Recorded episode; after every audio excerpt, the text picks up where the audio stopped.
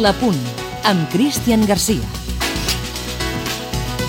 Ahir vaig xalar com una criatura llegint els diaris de Madrid. Com han canviat les coses, com ha canviat el panorama. Ja hi tornem a ser, amb 6 punts d'avantatge i esperant el que pugui passar demà a la Champions, però contra el Liverpool, perquè si demà palmen a Anfield, cosa molt probable, els anglesos en reblaran el clau i tindrem setmaneta de celebracions.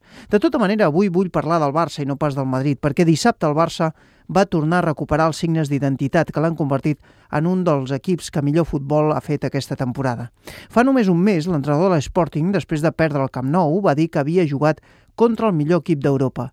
Després van arribar els dubtes, un parell d'empats i les dues següents derrotes, però un cop hem superat aquesta petita davallada, hem tornat a acabar un partit amb la nostra porteria zero, hem tornat a jugar un gran ritme de pilota i hem tornat sobretot a tenir a Iniesta, i això sempre és una garantia.